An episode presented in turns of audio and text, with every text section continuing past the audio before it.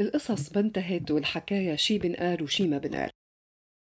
كل امرأة حاولت تعمل تغيير كان عندها الشجاعة تحكي لنا قصتها مع مشكلة إثبات النسب ورغبتها بامتلاك حق توريث أوراق رسمية تحت أي مسمى. القهر كان غالب على أكثر القصص. يمكن لو هاي النساء عندهم حق منح الجنسية كانوا اختصروا كتير من الألم. معكم أنا سلافة لبابيدي من بودكاست بشر بلا أصوات.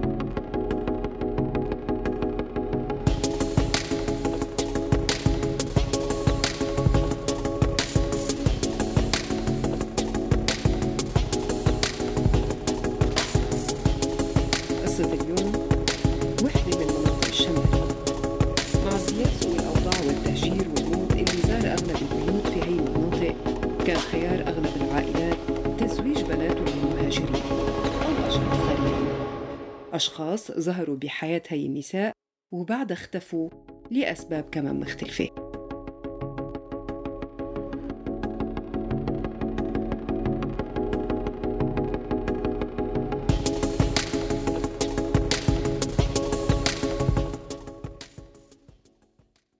أنا اسمي سمر عمري هلأ عشرين سنة. ولدت بريف إدلب لعائلة كبيرة فيها كتير من الأخوة والخوات. لما صار عمري 16 سنة زوجوني أهلي من أبو دجانة هيك قالوا اسمه. ما بعرف اسمه الحقيقي. أبو دجانة أجا من بلد بيقولوا له أزركبستان ما بعرف أقول اسمه. بلد كتير بعيد.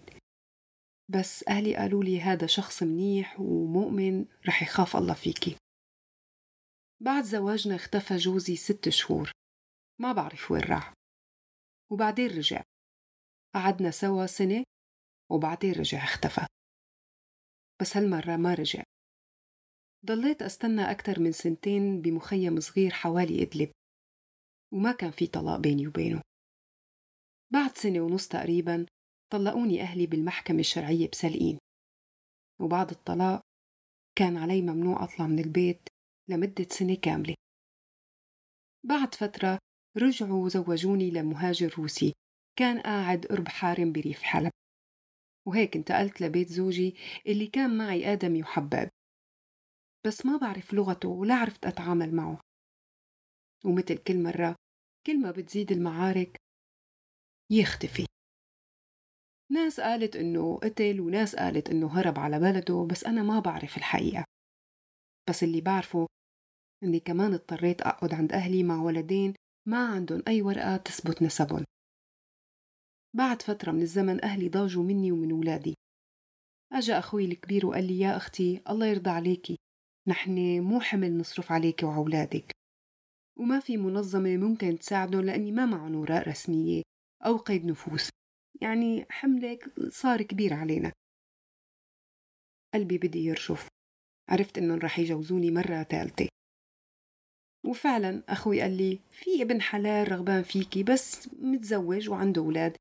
شرطه تتركي ولادك لحتى تنتقلي معه على تركيا بعد كتب الكتاب. هون حسيت إنه في ضربة سكين بقلبي خصوصا لما قال لي أخي ولادك أصلا ما عندهم وراء ولا قيد نفوس ولا أي شيء بثبت إنهم ولادك فيك تحطيهم بمركز للأيتام بكل سهولة. وفعلا أخذوا الولدين وحطوهم بالمركز. وأنا من يومها بحس طلعت روحي مني الجنسية هي حق طبيعي تربط الفرد قانونيا وسياسيا بدولة معينة والجنسية أحد أهم حقوق الإنسان في العصر الحديث اللي نص عليها الإعلان العالمي لحقوق الإنسان باعتبارها حق لكل فرد ولا يجوز تعسفا حرمان أي شخص من جنسيته ولا من حقه في تغييرها حسب المادة 15 وعليه كمان يجب أن يتساوى الرجل مع المرأة في التمتع بالجنسية باعتبارها من حقوق الإنسان. كمان نصت المادة الثانية من اتفاقية السيداو وهي اتفاقية القضاء على كافة أشكال التمييز ضد المرأة أنه تتساوى المرأة مع الرجل في كل ما يتعلق بجنسية أطفالها حول هذا الموضوع نطرح بعض التساؤلات القانونية على الأستاذ المحامي هيدر هوري. أستاذ حيدر يعني إذا بدنا نحكي عن أهم معضلة حاليا عم تتفاقم وضحاياها هن أغلبهم من الأطفال اللي انخلقوا بمناطق معينة بسوريا. تحديدا الأطفال الغير مسجلين في مناطق سيطرة المعارضة. عنا أكثر من قصة طبعا قدرنا نصل لبعض النساء السوريات اللي تضرروا بموضوع عدم قدرتهم منح جنسيتهم آه، آه، خلافا لل يعني الاعتيادي في العالم. آه، في بمناطق الفصائل ومناطق سيطرة النظام. عنا قصص كتير ومن بعض القصص اللي طبعا سمعناها اليوم بالحلقة قصة سمر اللي تزوجت بمهاجر وكان عندها طفلين غير مسجلين. كيف ممكن يتم احتواء هاي الكارثة الإنسانية؟ وشو العمليات اللي ممكن تصير عبر مشاريع لحتى يعني ينحطوا هدول الأطفال تحت المجهر أكثر من هيك؟ ويكون الموضوع على المستوى السوري الداخلي أو حتى على المستوى الدولي. بخصوص الموضوع المتعلق بمشكلة مجهولي النسب في سوريا آه، فبشوف كقانوني أنه الحل الأضمن والأمثل لإيجاد الحلول الجذرية والنهائية لمثل هذه المشكلات الجوهرية هو القانون. فالقانون قادر أنه يحيط بكل جوانب هذه المشكلات وإيجاد وطرح الحلول المناسبة لها آه انطلاقا من التعريف وبالتحديد من العبارة الأخيرة أنه مجهول النسب حتى إذا كانت الوالدة معروفة يعتبر مجهول النسب. وهذا الشيء بيستند إلى قانون الجنسية السوري لأن القانون ما بيعطي للأم حق منح جنسيتها لأبنائها لذلك هاي المشكلة في جزء كبير منها تنحل بتعديل قانون الجنسية السوري بحيث يعطي القانون للأم الحق في منح جنسيتها لأبنائها. بيتم الاستخفاف أحيانا من البعض ضمن المجتمعات المحلية بموضوع تثبيت الزواج. غالبا لما بنطرح هذا الموضوع على الناس بيقولوا لنا إنه أغلب الناس ما بتثبت زواجها خصوصا بهي المناطق. آه، طبعا قصص كتير سمعناها آه، عن إشكالية عدم تثبيت الزواج اللي كانت من نتيجته أطفال غير مسجلين لأن غالبا الأب بيختفي أو بينقتل بالمعارك أو لسبب ما قاهر ما بيعود موجود بهي العيلة. حضرتك كقانوني آه، مشاركات سياسية قانونية. حاولتوا آه، لحتى يتم آه، القيام ببرامج معينة تقتحم هي المجتمعات لتوعيتها بموضوع أهمية تثبيت الزواج والحديث عن النتائج السلبية للزواج الغير مسجل. موضوع التوعية والتأثير على الناس من قبل رجال القانون والحقوقيين وحتى المنظمات والهيئات المعنية بهذا الموضوع ما رح يكون على درجة واحدة لأن الناس الناس تتملك درجات متفاوتة من الوعي. بالإضافة لهذا الشيء الناس موزعين في الجغرافيا السورية وهاي الجغرافيا محكومة حاليا من قبل جهات كثيرة وكل جهة من هاي الجهات تتناول موضوع تسجيل وقوعات الزواج والوفيات والولادات وفق رؤيتها الخاصة ومن خلال مؤسساتها الخاصة. فقد بتكون هاي الجهات عم تقوم بتناول هذا الموضوع بشكل جيد أو بشكل سيء ولكن قياسا آه، بالماضي أتوقع أن الناس صارت أكثر وعيا لضرورة آه، الحصول على وثائق من هاي الجهات أو من جهات رسمية تثبت واقعة الزواج أو واقعة الولادة أو واقعة الوفاة. كل الشكر لك أستاذ حيدر هوري لمشاركتك معنا اليوم ببودكاست بشر بلا أصوات. طبعا آه، أعطيتنا بعض آه، الإضاءات على المواضيع القانونية اللي بتخص آه، هي المناطق وخصوصا بموضوع عدم تثبيت الزواج بشكل رسمي أو تسجيل الأولاد.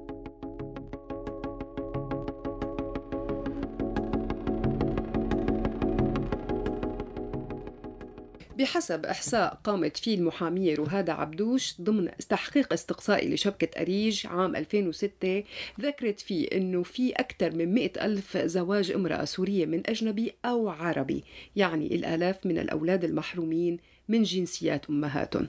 وتذكير.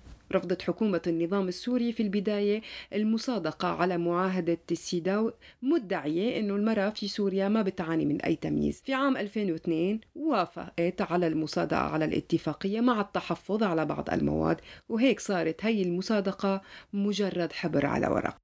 حسب إحصاء قامت فيه المحامية رهادة عبدوش ضمن التحقيق قالت أنه النساء المتزوجات من أجانب أو عرب كانوا محرومين بشكل مباشر من منح جنسياتهم لأولادهم اللي أغلبهم كانوا غير مسجلين وما بيحملوا الجنسية السورية. بنرجع بنشير.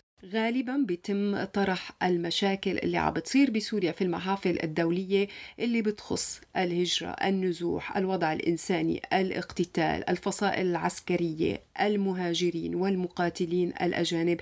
لكن ما بيتم التطرق لموضوع الجنسية أو التطرق لموضوع الأولاد الغير مسجلين. انعدام الجنسية في سوريا مو قضية جديدة. من 2004 عم بيتم في مطالبات ومحاولات لتعديل قانون منح الجنسية لكن كلها محاولات ما نجحت. ولحد الآن عنا قضية الأكراد المسحوبين الجنسية عنا حالات أطفال بلا نسب عنا أطفال بلا قيود مدنية. إذا حالات انعدام الجنسية عم تتزايد بشكل مرعب خصوصا بعد زواج النساء بمقاتلين أجانب إن كان بمناطق المعارضة أو حتى بمناطق النظام واللي غالبا ما بتكون موثقة. بنرجع للمادة رقم ثلاثة من قانون الجنسية اللي بيظهر التمييز بين الرجل والمرأة في سوريا واللي بتناقض مع المادة 33 اللي موجودة كمان في الدستور واللي بتقول لا تمييز بمنح الجنسية بين الرجل والمرأة.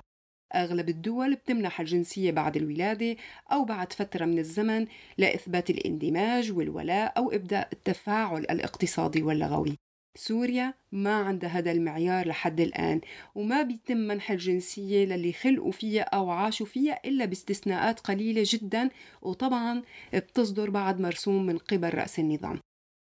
قصص النساء اللي مرت ورح تمر معنا بتبرز حجم التناقض بين النصوص الدستورية اللي بتذكر الحقوق والمساواة بين الأفراد وبين الواقع القانوني المفروض على النساء في سوريا.